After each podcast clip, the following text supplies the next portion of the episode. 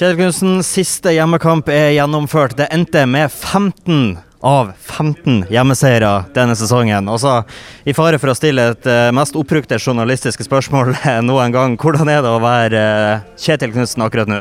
Nei, det går ikke an å ha det bedre enn jeg har det akkurat nå. og eh, Prøve å se en, denne sesongen i perspektiv.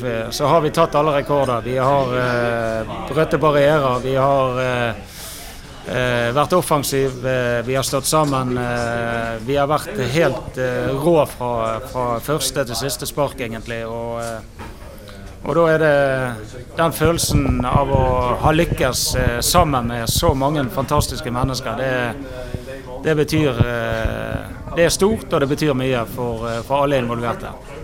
Du eh, sa at eh, mottakelsen når eh, dere kom hjem til Bodø etter at seriegullet ble sikra i Drammen, og bussturen og eh, hele hoiet med Bodø, det var den største opplevelsen i ditt livet ditt. Og nå da får løfte trofeet foran fansen på Aspmyra, hvor høyt står det? Nei, det er, det er, sidestilt. Det er to store øyeblikk.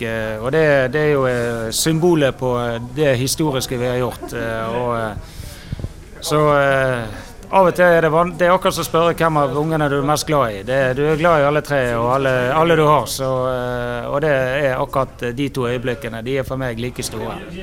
Jeg skal ikke snakke så mye om kampen i dag, men én ting jeg har lyst til å spørre deg om. fordi Du har prata mye om samholdet i laget og hvordan det er et lag og ikke enkeltspillere. og uh, Spesielt 3-0-skåringa til Kasper Junker, den uh, vil jeg høre litt hva tanker om. fordi at Her kommer det i overgang. Det er fire mot to.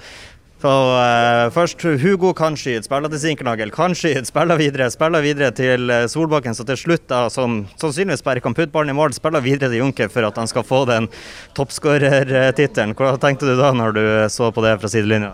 Nei, Det er jo kanskje symbolet på at uh, hva folk Hvordan spillerne tenker og kan for, det var viktig for alle som kom med det angrepet at det var Junker som satt den. Det, så det var en fantastisk skåring. Og det var òg symbolsk på, på Bodø-Glimt. Eh, og så var det altså Junker har skåret 27 mål på 24 kamper, så eh, det er imponerende. Men eh, det målet, det var, det var, det var litt spesielt, det òg.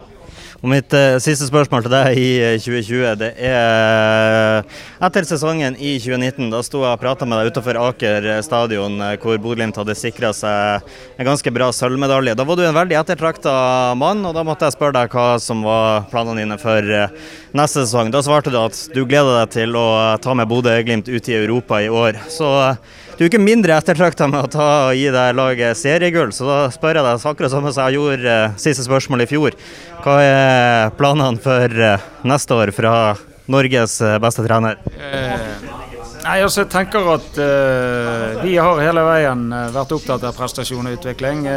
og det som kommer i 2021, da blir det forhåpentligvis en ganske normal sesong. og det ligger utrolig mange spennende ting for oss. Seriecup og Europacup. Vi skal inn og spille Champions League. Eh, så jeg mener vi, vi, har en, vi, har et lag nå. Eh, vi har en arena å tilby spillerne. Og eh, for meg er det én tanke, det at det toget skal fortsette fremover. Og så skal vi bli bedre, og så får vi se hvor flinke de andre er å følge etter. Det, det er alltid spennende. Det, men videre utvikling, det er det er det som betyr noe nå.